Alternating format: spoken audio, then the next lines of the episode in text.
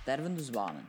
Welkom bij een uh, nieuwe aflevering van Stervende Zwanen. Het heeft uh, eventjes weer geduurd, maar uh, ik ben blij dat ik er terug ben. Ik ben blij dat ik ook weer een, een, leuke gast, een vrouwelijke gast ook opnieuw. Twee op een rij, ehm, dat is ook wel leuk. Ehm, bij mij heb Pauline, welkom. Dank u, dank u, welkom. ja, inderdaad. We, we, mogen elkaar eigenlijk welkom heten nu, want we zitten eigenlijk allebei in ons eigen huis, denk ik. Um, ja, dus het, is, het is voor allebei een beetje wennen, denk ik. Um, ja, hoe is het uh, geweest voor u deze periode? Of waar, waar houdt jij nu eigenlijk in deze periode mee bezig? Want ik denk dat het een vreemde periode is voor een student topsporter. Want dat zijt je natuurlijk ook. Ja, inderdaad. Uh, in het begin van het jaar was het allemaal goed begonnen. We hadden weer wat meer vrijheid met corona, dus de trainingen waren terug van start gegaan. Wat heel leuk was, terug in groep. Maar dat is dan al snel veranderd terug naar uh, in groepjes trainen. Um, en dus overdag ben ik sinds september nu met stage kinestherapie bezig, mijn eindstage. Dus overdag um, ga ik dus eerst naar stage en daarna heb ik training uh, met maximum drie personen nu. Um, en dan ja, zijn mijn dagen al goed gevuld. Ja, want ik herinner me, ik heb zelf een heel, heel, heel, ik kan nog een keer heel uh, bescheiden carrière als, uh, of in de atletiek gedaan. Ik heb ook een, een tijdje atletiek gedaan. En ik herinner me toen wel dat heel veel van die training met heel veel mensen samen waren altijd. Hè. Uh, dus nu is dat helemaal ja, gedownsized, om het dan zo te zeggen. hoe is dat voor u geweest? Omdat puur als, als ja, het sociale geven is daarin ook wel belangrijk, denk ik. Ja, atletiek is misschien wel een individuele sport, maar um, ik geniet toch wel um, heel erg van het groeps uh, trainen en toch ja, elkaar energie uit elkaar gaan halen. Um, dus nu met corona heb ik ook vorig jaar uh, twee maanden bijna apart moeten trainen. Um, en dat was toch helemaal aanpassen, want je moet ineens helemaal op jezelf terechtkomen. Um, terwijl in een groep, ja, spoort je elkaar aan. Je kunt eens een babbeltje tussendoor doen. dus dat is toch wel een verandering ook met corona. Maar ja, op zich, het is weer iets anders. Je leert er weer andere zaken uit en je kunt kijken hoe geconcentreerd zijn. Dus, uh, dat is, dat is een van de weinige voordelen, denk ik, aan deze periode geweest. Is dat we allemaal leren improviseren hebben. Op, uh, op welke manier dan ook. Ik denk dat dat voor, uh, voor u zeker wel geldt. En voor de mensen rond, rond atletiek of sport in het algemeen. Um, ja. maar je zit nu ondertussen begonnen aan een stage, heb ik begrepen. Hè? Um, ja ehm, dat was eigenlijk de bedoeling, denk ik, om uw twee jaar of om uw laatste jaar in twee jaar te doen, hè? Ja, uh, sinds vorig jaar ben ik beginnen splitsen, dat ik uh, eigenlijk mijn laatste jaar in twee zou splitsen. En dan uh, dat ik na dus eigenlijk de Olympische Spelen van vorig jaar nog een stagejaar zou moeten doen. Maar ja, daar is dus een stokje voor gestoken, waardoor ik nu aan mijn stage bezig ben, want ik kan het niet oneindig lang blijven uitstellen. Um, ook wel dubbel natuurlijk nu, met uh, ja, veel patiënten. Eventueel hebben die corona en als topsporter mag je toch mm. zeker corona krijgen, want dat kan toch grote gevolgen hebben. Dus het is wel dubbel, maar uh, ik ben wel blij dat ik na dit jaar um, een punt allez, kan zetten achter mijn studie, dat ik toch dat al heb als basis mm. en me toch iets meer op sport kan gaan richten. Ja, dus wel uh, opvallend natuurlijk dat je dat zegt. Van, ja, je hebt er echt wel bewust voor gekozen om die combinatie aan te gaan. ja. Ja, want het is kinesiotherapie, vooral duidelijkheid dat je dat doet. Ik weet niet of dat dan al gepasseerd was. Uh, maar inderdaad, het is dus kinesiotherapie. Um, is, is, hoe moeilijk is die combinatie om, om te maken? Want ja, je hebt wel heel veel trainingen ook af te werken als je op dat niveau uh, wedstrijden loopt. Uh, hoe combineert je dat? Hoe ziet een dag eruit zelfs bij, bij u? Ja, um, mijn dagen zien er altijd heel druk uit. kan ik me voorstellen. Veel tijd voor zelf, alleen voor me-momenten zal ik zeggen. Um, maar dat is wel gebeterd nu dat ik vorig jaar ben beginnen splitsen. Maar daarvoor ja, was dat eigenlijk ja, veel, veel naar de les gaan, veel studeren en dan s'avonds toch trainen. Terwijl ik, als je op een hoog niveau komt, moet je eigenlijk twee keer per dag gaan trainen. Maar dat was dan eigenlijk moeilijk te combineren. Um, dus sinds vorig jaar kan ik dat al beter uh, combineren. Um, dus ja, het is, het is heel zwaar. Het was wel uh, pittige periodes. En ik denk ook nu dat ik uh, mijn studie aan het afbouwen ben, dat ik gewoon veel meer atletiek op de voorgrond kan, kan plaatsen, meer kan recupereren, de trainingen beter kan verteren en toch stappen hoger kan zetten. Ehm, maar aan de andere kant ja, houdt u dat natuurlijk wel een beetje bezig, dat je niet een volledige dag niks doet en enkel traint. Dus je hebt ook wel bezigheden, dus het heeft zijn voor- en nadelen. Maar een uh, splitsing was wel noodzakelijk om echt alles op alles te zetten voor atletiek, want anders was ik toch niet, niet super... Allee, was ik niet op het niveau waar ik nu sta, zal ik zeggen. Ja, want ik denk dat ook wel inderdaad zijn voordelen heeft om op een bepaalde manier uh, iets anders te hebben als, als bezigheid, als het enkel maar topsport is, of dus enkel maar studeren, dat je dan natuurlijk ook een soort van, ja, enkel en alleen maar daarmee bezig bent. En dat kan ook niet, dat is soms niet, allee, niet positief ook, hè. Soms uh, draait dat helemaal verkeerd uit. nee, inderdaad. En, en uh, ja, je zegt wel dat je veel naar de les ging, effectief nog. Want ik, ik heb ook af en toe een keer iemand gehad die bij ons in de les zat, die, die topsport deed. Die kwamen meestal niet veel naar de les, maar hij wel blijkbaar toch. Ja, vroeger toch zeker. Daar was ja, ik ook wel zo wat de strever in, zal ik zeggen. Dat ik toch ook wel heel graag dat is, dat is een ehm, ja, punten wou halen. En ja. uh, alles op, ja, ook kinesiotherapie heel goed wou afwerken. Maar ja, nu bijvoorbeeld met mijn stage heb ik eigenlijk ook overdag, heb ik in de week um, toch acht uur les. En daar ga ik dus niet naartoe. Om toch um, ja, die stage nu al te kunnen doen, zodat ik het niet in het tweede semester moet doen. En dus het tweede semester wel relatief vrij ben voor dan um, alles op alles voor atletiek en dan de Olympische Spelen te zetten. Ja, want inderdaad, door het verhaal met eh, de Olympische Spelen zijn nu inderdaad dat jaar uh, verhuisd. Um, maar dat heeft wel een impact, denk ik, gehad op uw agenda sowieso als student ook. Want zoals je net zegt, je wordt bezig met je stage, of zit nu bezig met je stage. Maar ik kan me voorstellen dat je dat niet kunt doen op een moment dat je je aan het voorbereiden bent volgend jaar voor de Olympische Spelen. nee, inderdaad. Ik, denk, eh, ik heb het ook al bij andere studenten gehoord. Wij plannen zodanig onze, ons studieprogramma naar gelang de Olympische Spelen en uh, grote kampioenschappen. En dan, ja, wanneer ineens een Olympische Spelen een jaar wordt uitgeschoven, was dat voor veel ineens aanpassen. Want de meesten zetten eigenlijk een druk schema na de Olympische Spelen, zodat dat, dat jaar toch uh, eventjes vooruit kan gaan. Dus ja, dat was wel aanpassen. En ook niet ideaal dat ik nu van s morgens tot s avonds ja, stage gaan moeten lopen. Allee, ze begrijpen mijn situatie ook wel en ze zijn daar vrijer in. Dus daar heb ik wel heel veel geluk mee. Maar aan de andere kant wil je ook wel een goede stage afleggen en waarvoor je studeert ook wel alles op alles zetten. En dat is wel moeilijk om nu alles op alles voor je stage te zetten. Want ik heb toch wel een belangrijk doel, ja, ja Spelen in mijn hoofd. Dus, ja. ja. Want je hebt al die jaren gewerkt naar iets en dan zou het heel raar zijn om dat zo ja, te laten verdwijnen. Dat gaat natuurlijk niet zomaar ook. Um, ja. Maar ja, 2020 denk ik voor, voor heel veel uh, atleten en voor mensen in het algemeen misschien ook wel een beetje een verloren jaar. Uh, voelde jij dat ook zo aan? Of? Ja, voor mij, als ik nu uh, over vorig jaar terugdenk, um, is dat wel een jaar waar ik veel heb in geleerd. Um, ja, ik ben nog niet zo lang in het topsporterswereldje, um, zal ik zeggen. Ik ben, sinds vorig jaar ben ik Europees kampioen geworden bij de belofte. En dan, ah ja, dat is al twee jaar geleden dus.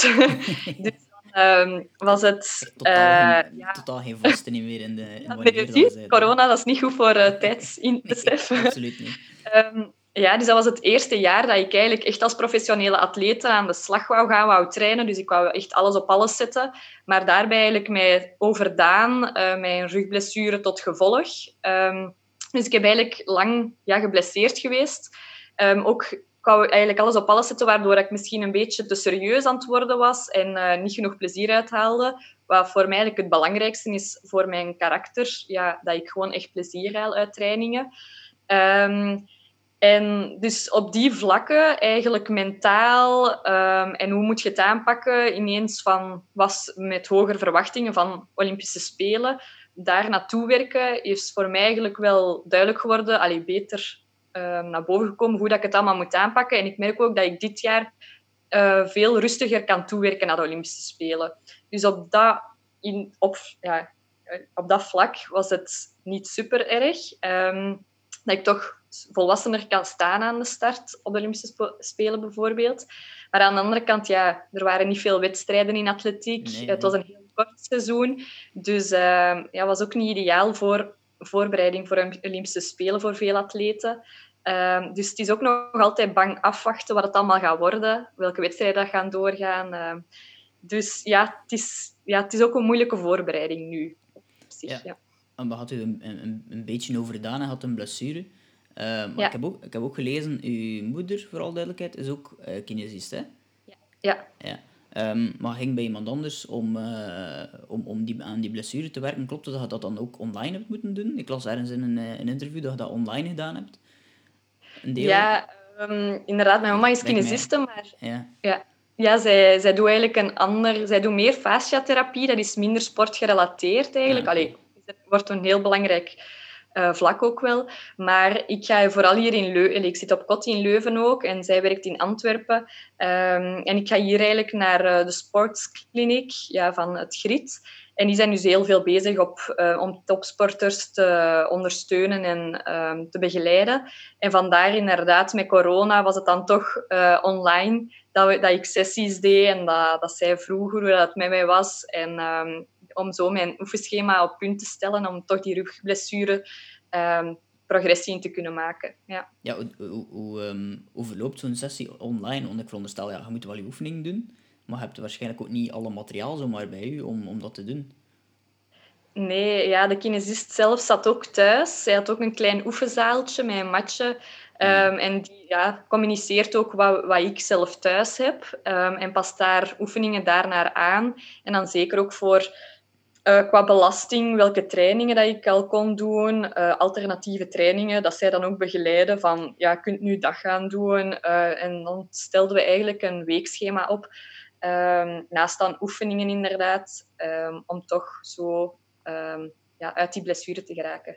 Ja, ik kan me inderdaad wel voorstellen dat je dan heel veel ervan leert en dat je sowieso ook leert als... als uh, studenten kinesiotherapie ook, als je het van op afstand leert uh, of ja, moet doen, dan pikt ook wel veel op, denk ik. Ja, ja, ja. Um, ja, ik leer heel veel. Ja, ik heb verschillende blessures al gehad. Um, en vanuit mijn studie haal ik ook weer de informatie die ik nodig heb om eigenlijk mee um, ja, dat te verhelpen en ja, ook die inzichten te hebben erin. Dus ja, het is eigenlijk een win-win situatie, want ik leer uit de atletiek van ja, welke blessures kun je hebben, hoe moet je dat aanpakken. En aan de andere kant zelf om te weten um, hoe ik blessures kan verhelpen en uh, ja, preventie ervan. Ja, um, een van de weinige wedstrijden, zoals je zelf al zei, die je wel gelopen hebt uh, dit seizoen, um, was de Memorial van Damme. Wat normaal gezien een groot volksfeest is, waar dat iedereen die iets met atletiek te maken heeft, en zeker de atleten, uh, echt naar uitkijken. Um, ik heb er zelf ook al twee keer denk ik naartoe geweest. En dat is echt veel meer dan gewoon een, een atletiek meeting. Hè. Dus voor iedereen is dat een soort feest. En uh, dat, is, dat is iets waar, uh, ja, waar je denk ik als atleet van droomt. hebt het jaar ervoor gelopen. Um, dan heb je een soort van ja, referentiekader naar hoe het echt is en hoe het dit jaar was. Uh, die eerste keer in 2019 was dat dan. Um, hoe, dat moet een droom zijn. Ja, ik denk dat alle atleetjes van, uh, van in atletiek als droom hebben om ooit op de Memorial van Damme te lopen. Voor ons is dat inderdaad het grootste, um, de grootste wedstrijd. En ja, echt een feest van atletiek inderdaad, zoals je het zegt.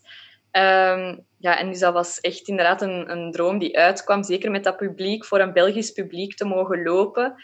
Dat is echt um, ja, een ervaring die ik nooit zal vergeten. Zeker wanneer het startschot dan afgaat, dan hoort je al het gejuich. Um, en dat gaf mij zoveel energie. En dan inderdaad met de vergelijking van vorig jaar, allez, voorbij Memorial van Damme, ja, ging het startschot af en je hoorde onze voetjes eigenlijk gewoon klakken op de, op de grond.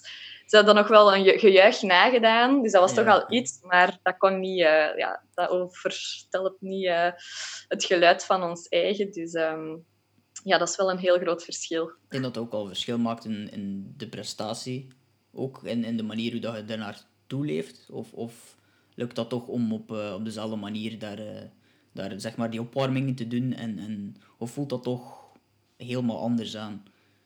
Ja, um, ik weet nog van mijn eerste memorial van Damme was dat inderdaad een heel week dat ik daar heel gespannen om was en echt uh, ja, bijna niet kon slapen, zal ik zeggen. Want ja, mijn eerste memorial van Damme met de grote dat ik mocht meelopen.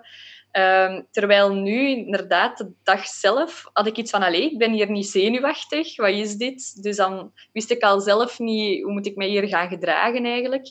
Maar um, er was wel een verschil, aangezien dat twee jaar geleden mocht ik de 400 meter horde meedoen. Dat is mijn eigen discipline eigenlijk. En dan dit jaar was het de 400 meter. En dat had ik nog nooit internationaal eigenlijk gelopen. Tegen toch um, heel een mooi internationaal veld dat er dit jaar was. En dat gaf mij dan wel stress dat ik goed wou presteren en tegen goede 400 meter lopers, loopsters uh, terecht kwam. Dus dat gaf mij dan wel op het moment zelf, met de opwarming, ja, dan kreeg ik toch zo de stress een beetje, ehm, echt het excitement van toch te mogen lopen. Maar ja, het gevoel als je binnenkomt is natuurlijk anders. Maar toch kon ik mij wel op het moment zelf wel goed oppippen. Ja, dan, hoeveel wedstrijden er in totaal eigenlijk gelopen dit jaar? Goh, dat zal zes, denk ik, zijn. En hoeveel zou je er anders gelopen hebben? Ja, nu was het eigenlijk over een maand en half verspreid. Dus bijna elk weekend had ik er dan wel eentje. Terwijl vorig jaar was ik al bezig van eind maart, begin april tot uh, begin, ja, eind september, begin oktober. Dus ja, vorig jaar was dat vijf, vijf maanden bijna. En dit jaar was het maar een, een, een maand en half. Dus dat is een gigantisch verschil. Um, zeker ook als hordenloopster. Je voelt echt dat je er moet inkomen in het ritme. En naar gelang hoe meer wedstrijden je doet, hoe beter dat het eigenlijk gaat. En nu met die uh, ja, grens eigenlijk, dat het echt goed, alleen mijn betere tijden zouden komen, was het gedaan. Dus dat was wel jammer. Hmm. Dus in dat, ja, je moet echt zo in je wedstrijdritme wat komen, dus dat is wel het grote verschil geweest. Ja, ik denk dat, ja, het, ik, ik, las het ook in verschillende interviews, het, het, het pasritme is daarin blijkbaar heel belangrijk. Hè? Um, ja we kunnen misschien even kort uitleggen wat dat juist inhoudt. Ik heb een klein idee van wat dat inhoudt, maar ik denk uh, dat je me daar veel duidelijker een antwoord aan kunt geven. oh ja, ehm, bij de horden heeft iedereen inderdaad tussen de horden een bepaald aantal passen dat we doen. Maar dat is echt wel um, ja, afstemmen. Dat is ja, een bepaald ritme dat je moet krijgen doorheen het seizoen. Maar hoe verder dat je in het seizoen komt, hoe, hoe sneller dat je begint te lopen eigenlijk. En dan moet je daar al eens een pas uit gaan halen. Um, wat het ook wel interessant maakt, want het is niet gewoon dit is het, je loopt maar, maar het is wel wat uitzoeken. Maar dat maakt dus wel inderdaad op het begin van het seizoen zal wel een ander pasritme waarschijnlijk aanwezig zijn dan op het einde van het seizoen, omdat je gewoon uh, terug in die flow geraakt, uh, sneller begint te lopen, andere tactieken uitprobeert. Dus um, ja, dat is het interessante wel aan horden en een grote uitdaging. Ja, inderdaad. Ik, ik, ik heb net al gezegd, ik heb zelf ook atletiek gedaan en ik, eh, ik kan me nooit herinneren aan een van de trainingen die wij moesten doen in de atletiekclub in Oudenaarde was ook zo... Um, uh, dat was stiepel eigenlijk, dat wij toen, ik die met vond. Um, wij deden ook dan stiepel. Ja, stiepel is ook een aantal hordes, maar ja, ik ben een meter 68. Ik, ik was daar totaal niet gewend, dus ik kon dat eigenlijk niet zo heel goed. Uh, en ik herinner mij altijd dat er één achter mij was, die, die kerel, ik weet niet meer wat hij noemde, maar hij zat, um, hij zat in het leger, dat weet, dat weet ik wel nog. En die was echt, die kon ook niet over horden, maar die viel echt letterlijk over bijna elke horde. En er was één, één keer een oefening waarbij dat ik uh, voor hem was en hij kwam achter mij um, toe en hij was handsgeschaafd op zijn gezicht, zijn, zijn elleboog open, echt overal scharten op zijn, op zijn lichaam. Ik zei, wat heb jij gedaan? Ja, die was gewoon ergens over een van die hordes gedonderd en die was gewoon verder gelopen. En iedereen, iemand anders had die, die horden weer moeten opzet, rechtop zetten. Dus, dus, voor iemand die, die atletiek doet, zou je denken van, dat is makkelijk. Maar ik kan dus uh, zeggen dat dat niet, uh, absoluut niet het geval is. En af en toe een keer dwaze dingen tegenkomt als je het niet kunt. Ja, en zeker bij de mannen, dat staat dan nogal wat hoger. dat dus, uh, dat staat echt ja, ja, ja. Dat is, Ik denk dat heel veel mensen niet beseffen, want ik denk, ik weet niet, hoe hoog staan ze bij jullie? Bij ons 76 centimeter. 70 centimeter, maar bij, bij de man is het... Is het uh, 91. 91, ja. ja. Dat is echt hoog. Uh, mensen beseffen niet hoe hoog dat is. Um, ja, ja, zeker. Dat zijn meestal grotere mannen die inderdaad gewoon eigenlijk horden doen, omdat het anders echt wel te hoog is. Zeker in de 400, om uh, ja, ja, dat te lopen. Ja, inderdaad. Ik kan er makkelijker onder dan dat ik er boven kan. Dus. maar... Uh, uh, ik ging iets vragen, maar ben vergeten. Ah, hoe zit je eigenlijk bij het uh, horden terechtgekomen? Is dat een soort van transitie naar dat past bij mij uh, geweest? Of? ja, ik, ik, vroeger deed ik eigenlijk meerkamp, de zevenkamp. maar dan door een rugblessure um, ben ik toch naar iets anders op zoek gegaan, omdat ik daar te veel last bij had. En dan deed ik eigenlijk altijd heel graag uh, de 100 meter horde. Ja, ik vond echt uh, horde lopen superleuk. Um, die uitdaging en die manier hoe dat je over horde moet gaan. Dat vond ik dus heel leuk. Um, en bleek dan dat ik eigenlijk ook wel ja, uh, het gestalte heb voor een 400 meter te doen. Um, dus dan had ik dat ook geprobeerd om 400 meter horde te doen. En dan zo is eigenlijk gekomen dat ik wel nog aan het twijfelen was tussen de korte horde, wat het eigenlijk het plezante echt is. Allee, dat vond ik toen. En de 400 meter horde was eigenlijk echt afzien, maar ik vond dat ook wel leuk. Um, maar dan ja, toch gebleken dat ik bij 400 meter horde toch wel echt sterker was. Um, en dan ja, daar uh, op terechtgekomen in, in Leuven dan hier um, een groep aangesloten en dan ja, echt puur voor die 400 meter horde gegaan. En heb je dan snel door van, ah, ik, ik heb hier talent voor, ik kan dit goed, het is iets waar ik wel iets mee kan? Uh, of, of duurt dat toch even tegen dat dat uh, binnencijpelt? Ja, um, toen ik ja, 16, 17 was, dan had ik dan een 400 voor gelopen en dan was dat wel duidelijk van oké, ik heb daar eventueel wel talent voor. Maar dan was dat een paar, een paar jaar toch stilgevallen. Ik denk ook met de overgang van middelbaar naar uh, de universiteit dat dat allemaal wat moeilijker was.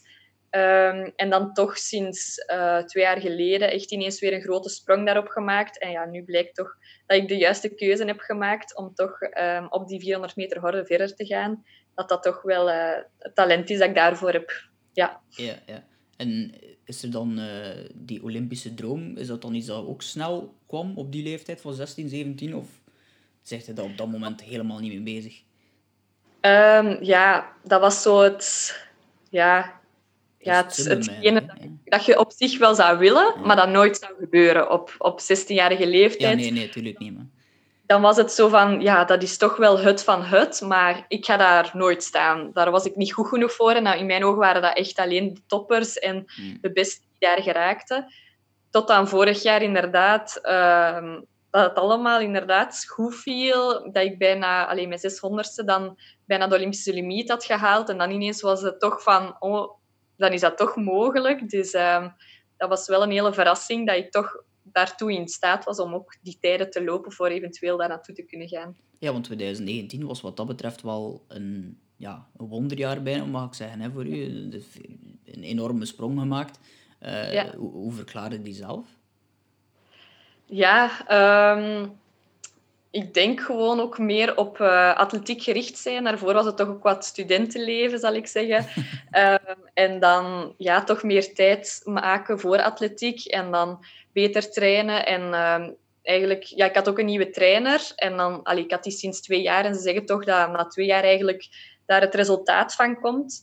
Um, dus ik denk dat alle puzzelstukjes eigenlijk dat jaar in elkaar vielen. En ja, ik had ook echt de grote droom om nog eens internationaal eigenlijk te gaan en dus voor het EK belofte te gaan. Dus dat was ook een heel grote drijfveer voor mij om echt alles op alles te zetten. Um, en ja, uh, een groot gemaakt en ja, van de ene verbazing in de andere verbazing gevallen. Ja, inderdaad, want uh, je bent eigenlijk uh, ja, Europees kampioen geworden. Maar vooral eigenlijk het trainer is Rudy Deals, denk ik, hè? Ja. ja, die, ja. Uh, bij mensen die iets van atletiek kennen, dat is een naam die uh, ja, toch een beetje als een klok uh, klinkt, denk ik. Um, Zeker. Maar je zit eigenlijk naar dat EK gaan meer met de ambitie om een medaille te halen, denk ik, dan dat dat het idee was? Of, of...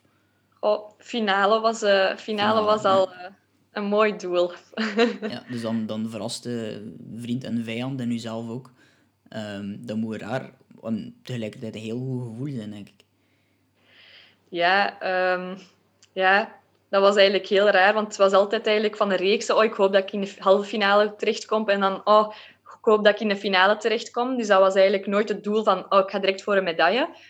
Um, maar dan ja, stond ik toch vierde op de lijst um, bij de aanvang van de finale.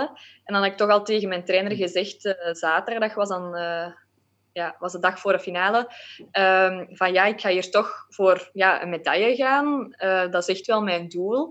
Um, maar dan de volgende ochtend um, was ik gaan loslopen en dan had ik toch alles op een rijtje gezet en ik dacht, ja, als ik dan derde aan het lopen ben, dan ga ik al content zijn, want dat was eigenlijk mijn doel en dan ga ik niet alles geven. Dus eigenlijk moet ik toch voor goud gaan, want ja, anders ga ik toch, ja, ik wil echt alles gegeven hebben. Dus dan had ik ook tegen mijn trainer gezegd, die stond verbaasd van, allee, wat zegt hij hier nu? Die gaat gewoon, hè, die wil winnen. Ook naar vriendinnen gestuurd van, uh, ja, houd de Belgische vlag maar al klaar. dus die ook al helemaal uh, in paniek. Allee, wat gaat ze doen? Dus ja, die ochtend, ik had echt het zelfvertrouwen gevonden en echt mentaal mij voorbereid van, ik moet voor die winst gaan, ook al was dat misschien niet mogelijk, maar toch erin zo hard in geloofd uh, dat dat mocht, allee, dat ik dat kon. Um, en dan was dat dan ook nog eens mijn beetje geluk toch ja, gebeurd. Dus dat was eigenlijk wel uh, een, uh, ja, een, heel mooi kampioenschap, zal ik zeggen. Ja, absoluut. En heel, heel waardevol losgelopen ook. Uh, dat er nog veel gehoord ja. iemand op die manier zichzelf ophebt. En was dat gewoon ergens, gewoon ergens bij wijze van spreken langs het water gelopen? Of, of is dat dan zo ja. je kunt opheppen op die manier? Ja, in, ja. met wat muziek, in een stadje van Gavle. Um, loslopen. Het was inderdaad een schoon zonneke, dus ik voelde mij ook wel echt goed. Het was niet aan het regenen of zo. En dan even alles op een rijtje gezet, van, want ja, je moet mentaal sterk staan voor een finale te lopen. Um, en ja, dat kwam allemaal zo, zo ja, uit het niks eigenlijk naar boven. Dus ik ben blij dat ik toch die vaststellingen had gedaan. ja, ja, absoluut. En is het altijd zo geweest dat je op die manier jezelf kon oppeppen? Dat je altijd uh, dat zelfvertrouwen hebt gehad? Nee, eigenlijk niet. Dat was eigenlijk de eerste keer dat ik dat echt zo had gevoeld. Um, ook aan de startlijn. Van, ik ga er echt voor gaan, ik ga hier goud pakken. Dat was, dat was bijna realiteit voor mij al geworden. Um, en ik probeer dat nog wat na te bootsen eigenlijk. Allee, daarna heb ik dat proberen na te bootsen in andere wedstrijden. Um, maar het is nog niet zo uitgesproken geweest als toen. Maar ik probeer mij wel vast te houden aan wat ik daar heb meegemaakt. Dat ik dat wel kan meenemen naar volgende wedstrijden ja, dat je weet van ik, ik kan dat. Dat is ook al een heel groot verschil dat je denkt, allee, dat je het effectief gedaan hebt. Uh, ja. Dan dat met taal ook wel een, eh, een groot verschil maakt. Um, ja, het, zelfvertrouwen, hè, dat is ja, ja. super belangrijk. Um, ehm, dat precies enkel mijn gedachten. Allee, ik had ook een uitspraak gedaan, mijn gedachten hebben gewonnen. Allee, dat ik daar, ja, als je al op voorhand denkt dat het niet gaat lukken, ja, dan zit je niet in een, goede, in een positieve sfeer. Dus uh, dat dat ook wel heel belangrijk is in de sportwereld. Ja, absoluut. Dat is zeker, uh, ik heb dat hier inderdaad al heel vaak gehoord, dat het mentale aspect uh, heel belangrijk is. Um, er is sindsdien veel veranderd voor u? Of valt dat dan nog mee qua aandacht, qua verwachtingen, denk ik vooral, dat dat toch een soort van ja, extra laag erop legt? Ja, er was toch wel veel veranderd, ook voor mezelf, dat ik mezelf inderdaad veel druk oplegde. Uh, en dat ook, ja, dat ik toch um, nu naam, was, allee, naam had gekregen in de sportwereld. Um, want er hebben nog niet veel um, atleten in de atletiekwereld goud gehaald op het EK belofte. En degenen die het hebben gehaald, die zijn wel ver gekomen. Dus dat gaf ook gewoon een goed gevoel. En meer een gevoel van, nu moet ik ervoor gaan. En ja, echt het, het zelfvertrouwen heeft, heeft heel veel geholpen in het zelfvertrouwen van oké, naar het volgend kampioenschap, dat moet ik ook halen. Um, en qua media-aandacht is dat ook wel ja, ineens geboost. Um, wat, ja, wat ik ook niet had verwacht. Uh, dus dat was ook wel aanpassen.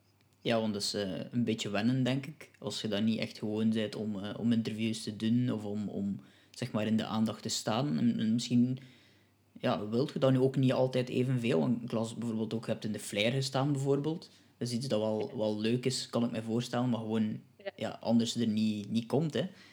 ja, ja, inderdaad. Um, ik las wel, en het is misschien ook typisch voor, voor het atletiekverhaal, ik denk dat het nu anders is. Um, want ik denk dat je nu een topsportstatuut hebt via Topsport Vlaanderen. Ja. ja, ja. Um, maar dat je eigenlijk aan het TK zelf financieel niks hebt overgehouden, omdat je eigenlijk niks verdient, zeg maar, om het dan heel uh, cru te zijn. Ja, um, ja, voordien zeker. Daarvoor had ik zelfs niet door dat er iets te verdienen was in atletiek. Um, met TK inderdaad zelf ook eigenlijk niks verdiend of zo, maar dan inderdaad die media-aandacht dat er wel komt. En dan toch het vertrouwen dat, dat toch, ja, zoals Sport Vlaanderen in u krijgen, van oké, ze kan hier wel iets uh, betekenen.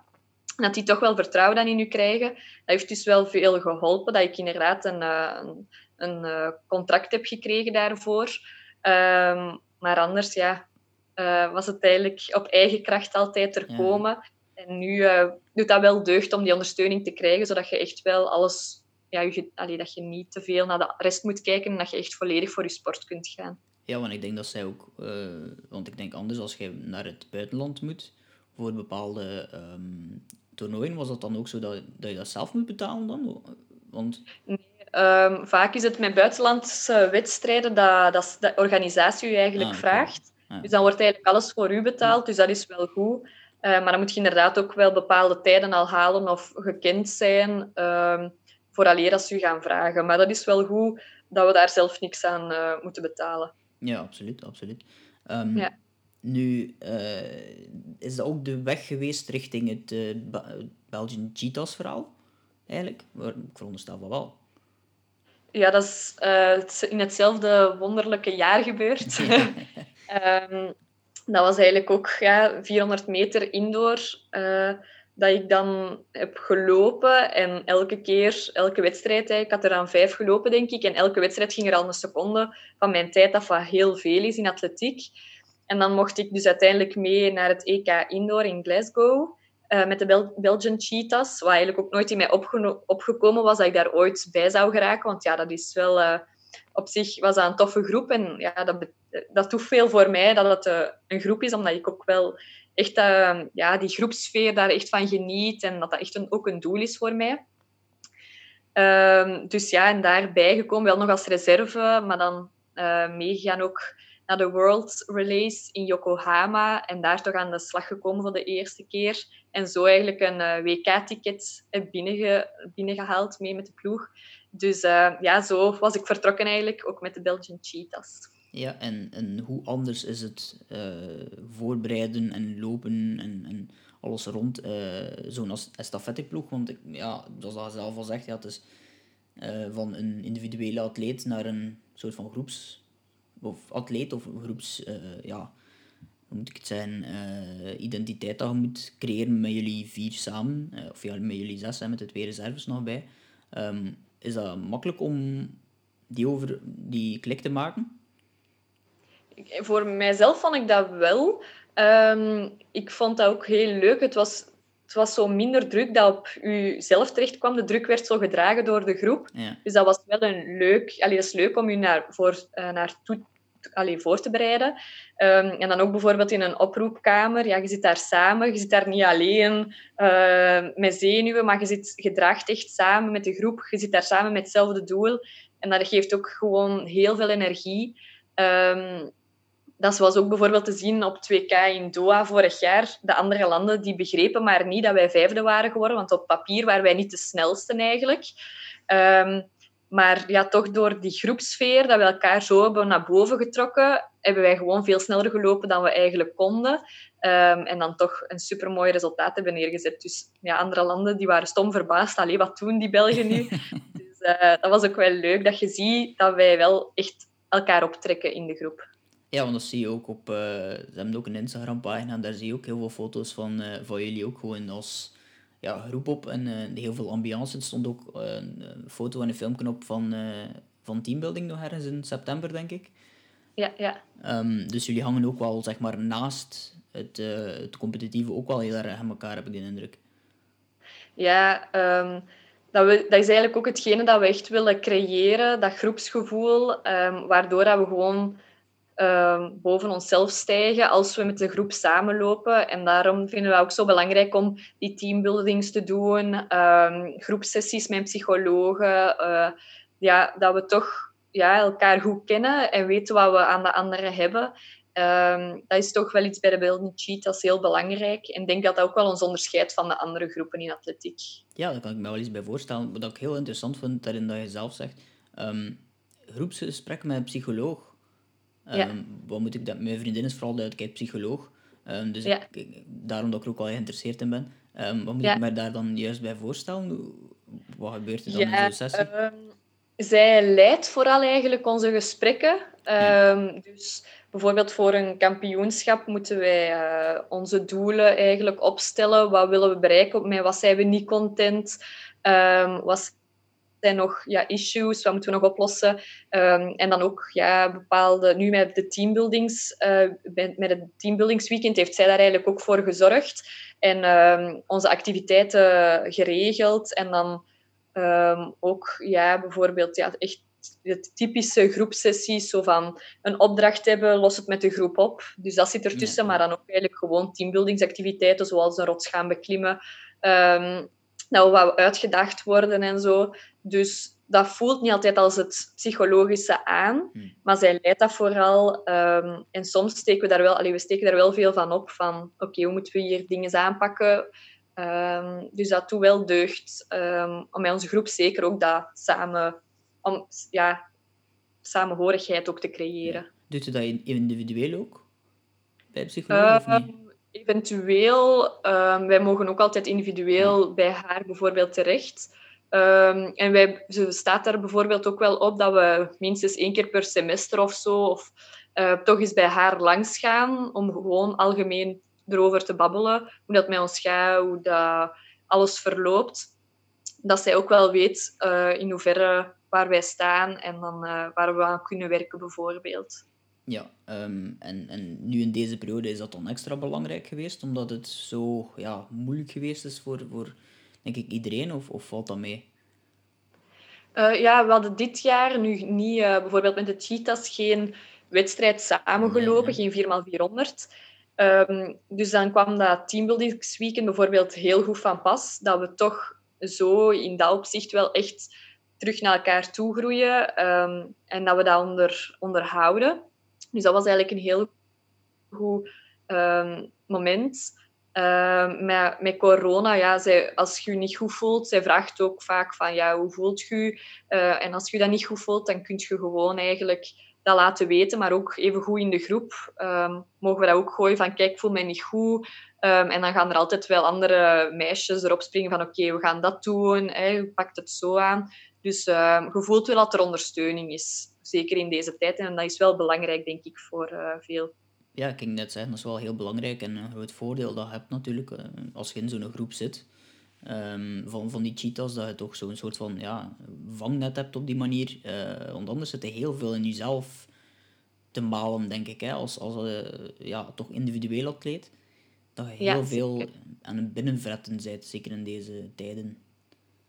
Ja, zeker. En dat is ook normaal dat het nu soms misschien wat minder goed gaat. Want ja, we, weten ook, we hebben nog geen zekerheid over wedstrijden of we moeten weer alleen trainen. Dus uh, dat is altijd wel goed dat je weet dat je er ook met iemand over kunt babbelen of zo. Dus uh, dat vind ik wel uh, ook leuk aan die groep te hebben. Dat ik niet alleen die individueel atleet ben, maar ook inderdaad een groep echt achter mij heb staan. Ja, inderdaad, dat je niet zo'n soort Einzelganger overal bent. Um, heb je dan ook je meeste vrienden daar in, in, die wereld? Uh, omdat ja, je zegt natuurlijk heel veel trainen en het les gaan, maar ik kan me voorstellen heel veel uh, feesten of zo in die periode zal er niet bij geweest zijn, om, uh, wat heel veel anderen misschien wel aan het doen zijn op, in, op dat moment in het hoger onderwijs. Dus ik kan me wel voorstellen dat heel veel van uw vrienden of mensen waar je contact mee hebt, ook in hetzelfde wereldje zitten. Ja, inderdaad. Um, ja, dat zijn ook, mijn trainingsgroep, dat zijn ook gewoon echt vrienden geleerd. Die, ja. ja je ziet die elke dag je leert daar ook veel van. Dat zijn mensen met hetzelfde doel of ja, dezelfde uh, interesses. Dus dat is al logischer dat dat goede vrienden kunnen worden eventueel. Dus ik haal ook wel echt veel vriendschap uit uh, die atletiek. Um, en dan heb je ook nog wel andere ja, vrienden, maar de meeste komen inderdaad uit de atletiekwereld. Het is ook moeilijk om te onderhouden, kan ik me wel voorstellen, als je zo uh, topsport combineert met studeren aan de UNIF dat dat niet eenvoudig is om iedereen uh, tevreden te houden.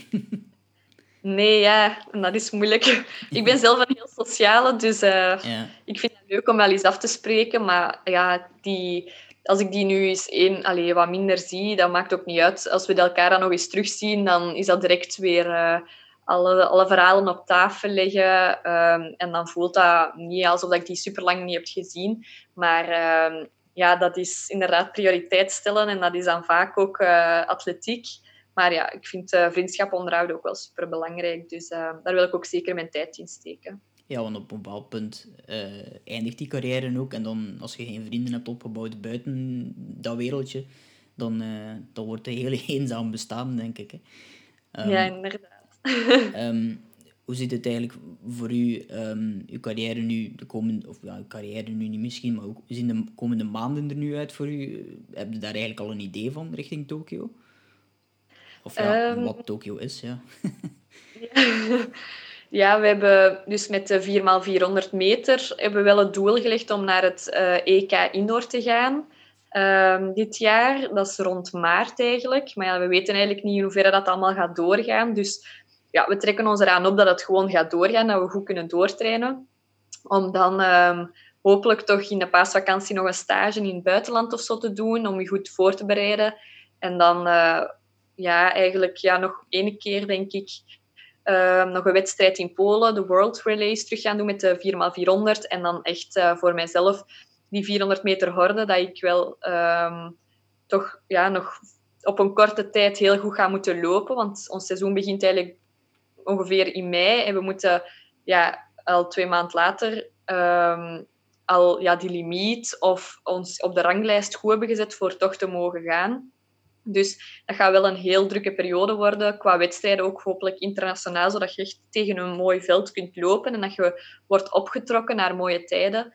Um, dus ja, het, uh, vanaf mei gaat het wel heel druk worden normaal gezien. Hopelijk dat dus die wedstrijden doorgaan met corona. Um, maar ja... Jullie moeten uh, jullie eigenlijk opnieuw kwalificeren dan? Of... Nee, met de 4x400 meter zijn we sowieso gekwalificeerd. Ja, voor, jezelf. Uh, ja. ja, maar dan voor de 400 meter horde op zich sta ik... Ja, ik heb juist niet de limiet, maar aan de hand van een ranglijst zou ik wel gaan. Maar dan moet je nog altijd wel echt goede wedstrijden lopen voor dat te behouden en dan iemand je ja, voorbij steekt, zal ik zeggen. Um, dus ja, dat is... Uh, ja, en je wilt ook goed presteren natuurlijk op de Olympische Spelen. Dus je wilt al op een bepaald niveau daar staan. Dus dan moet je gewoon echt kort en krachtig moeten we daar naartoe gaan werken. Ja, want dat is uh, het, summum. Kunt je daar op een of andere manier al over dromen op dit moment? Of blijft dat toch zoiets van, we gaan daar uh, rustig over blijven? Of is dat echt iets waar je actief aan, aan, aan over droomt? Ja, ik, ik droom daar wel over om uh, mooie prestaties neer, neer, te zetten op de Olympische Spelen. Maar ik heb in mijn hoofd dat ja, nu gaan mijn eerste Olympische Spelen waarschijnlijk worden. Um, dus ja, dan gaat je ook, ja, je zou denken, ja, dat is, je moet daar nog aan gewoon worden. En dat is toch uh, impressies dat je hebt. Je hebt, je hebt altijd het gevoel, oké, ik heb er gestaan. Want nu, alleen, nu werk ik daar naartoe om daar te staan. Maar dan bijvoorbeeld tegen 2024, ik heb er al gestaan, dus nu wil ik, dan wil ik tegen 2024 gewoon echt een heel mooie prestatie daar gaan neerzetten. Um, dus voor mij is het vooral in 2024 dat ik daar naartoe wil werken om daar echt mijn, uh, mijn hoogtepunt te creëren. Ja, ik denk dat je dan 26 bent, zoiets? Ja, 27. Ja, 27. Ik denk dat je dan inderdaad wel ook op het... Uh, meestal is dat dan ook wel top... Uh, niveau, of dan zit je fysiek op het beste niveau, denk ik. Hè. Um, uw beeld is een beetje gevrozen, maar we gaan uh, gewoon verder doen. Ik weet niet wat er aan de hand is. Ja, dat van u ook. ah, u, u is het terug, maar het mijne is inderdaad nog altijd uh, in een rare soort situatie beland. We gaan... heel vreemd te kijken, maar oké, okay, ik ga gewoon verder doen. Um, ja, op dit moment um, voor u uh, hoe, hoe ziet die, um, ja, de wereld er nu voor u uit in, in zaken van... van uh, je hebt het net al een beetje verteld, um, maar studeren en trainen, um, is het ook anders geworden voor u in, in het corona-verhaal qua, qua planning? Of, of?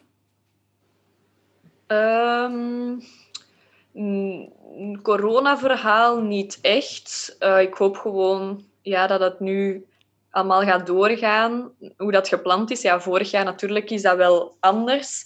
De, ja, mijn, mijn jaar is eigenlijk opgeschoven.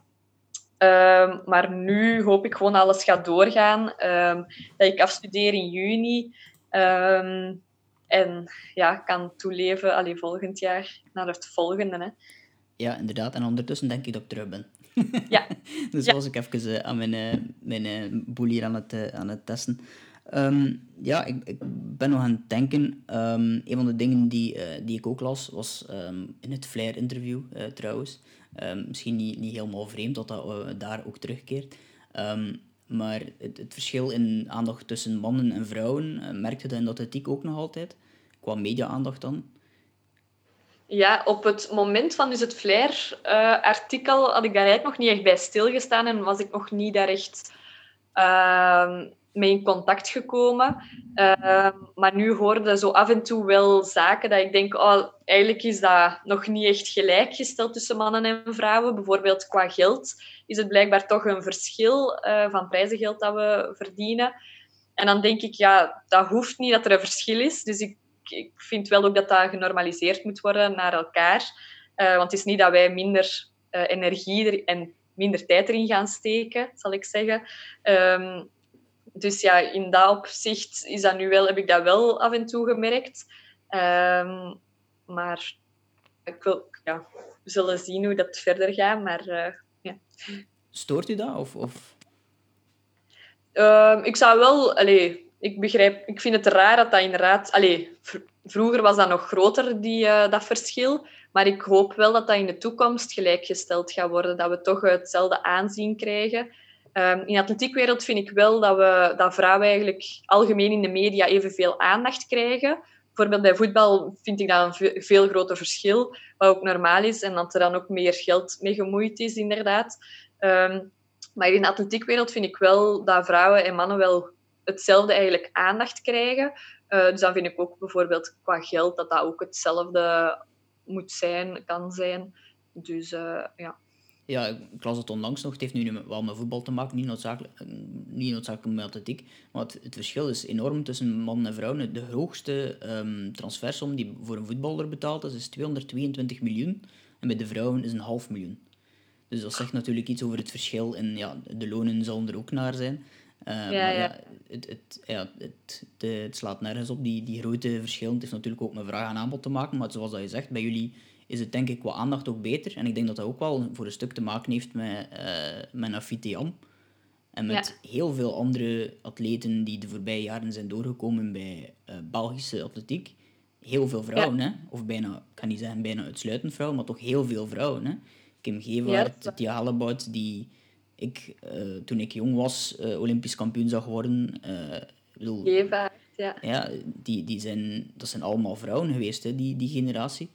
Um, dat, zijn er ook idolen voor u geweest in die periode? Ja, zeker. Um, Kim Gevaert was altijd mijn grote idool. Ja, um, ja zelfs brieven geschreven vroeger. Nee, één brief. Omdat ik, ja, als klein kindje, je kijkt daar wel naar op. en dan denk je toch, oh, ik wil ook zo goed zijn als die. Dus dat is eigenlijk iets heel belangrijk, uh, dat er zoiets is van goede vrouwen die ook allee, aan sport doen, dat je jezelf daarmee kunt identificeren, dat je er ook voor gaat. En dat geeft gewoon echt vertrouwen in jezelf dat het wel mogelijk is. Dus dat vind ik heel mooi, dat die al zo mooie, allee, zo goede prestaties hebben laten zien. En dat dat ook toch wel de jeugd aanzet om hetzelfde te doen ja, het is bijna een soort van Kim en Justine effect in, uh, in, in atletiek, denk ik. Hè. Het tennis effect dan van, uh, van Kim en Justine was enorm. Ja. Um, heb je eigenlijk anders idolen of mensen waar je, je daar naar opkijkt in, nu, uh, in, in de wereld? Uh, voor atletiek gaat dat ook weer ja, een vrouwelijk atleet zijn. Dat is dan Alison Felix. Dat is voor eigenlijk heel veel vrouwelijke atleten is dat ook wel echt een vrouw daar veel, mensen, veel vrouwen naar, naar opkijken. Um, gewoon hoe dat zij in de wereld staan, hoe dat zij inderdaad opkomt voor uh, de vrouwen. Ze is en veel dan meer ook... dan een atleten ook, hè?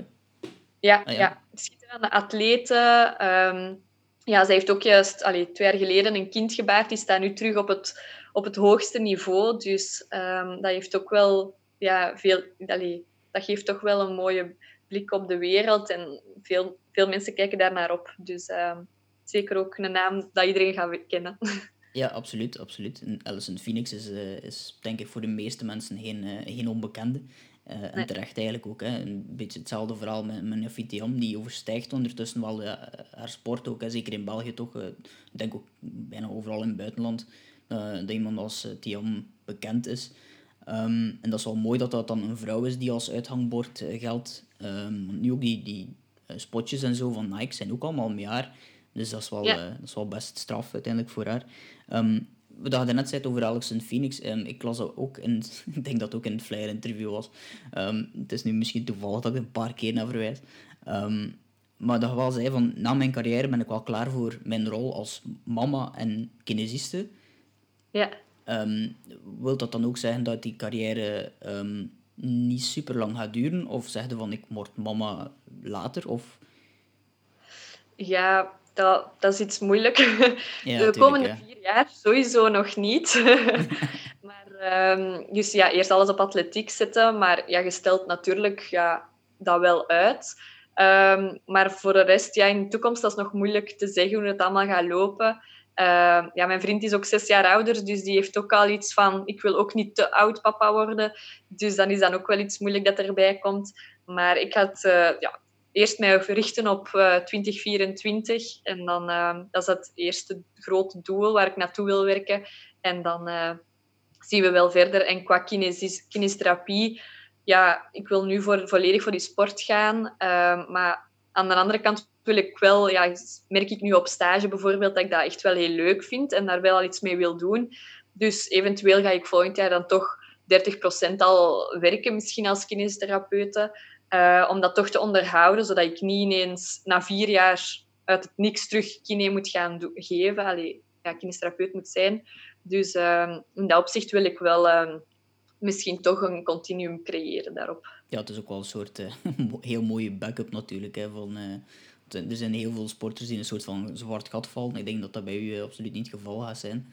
Nee, um, nee. Dus ja, ehm, we zijn ondertussen 50 minuten ver. Um, dat is wel mooi. Uh, ik denk dat we ook zo goed als rond zijn, wat mij betreft. Um, ik heb nog één eigenlijk vraag die ik eigenlijk aan elke uh, gast vraag. En dat is een standaardvraag. Uh, en wat mag ik u toewensen de komende maanden, jaren, dagen? Wat mag ik u toewensen? bij mij weinig blessures, veel, veel plezier en uh, heel mooie prestaties op uh, kampioenschappen. En dat ik uh, ja, toch uh, België trots op mij, op mij kan maken. Hè. Dat, dat ik toch een mooie Belgische atlete word. Ja, dus meteen een mooie, mooie dingen om je af te sluiten, denk ik, hè, met die ambitie. Ik kan u alleen maar succes daarin wensen. En, Dankjewel.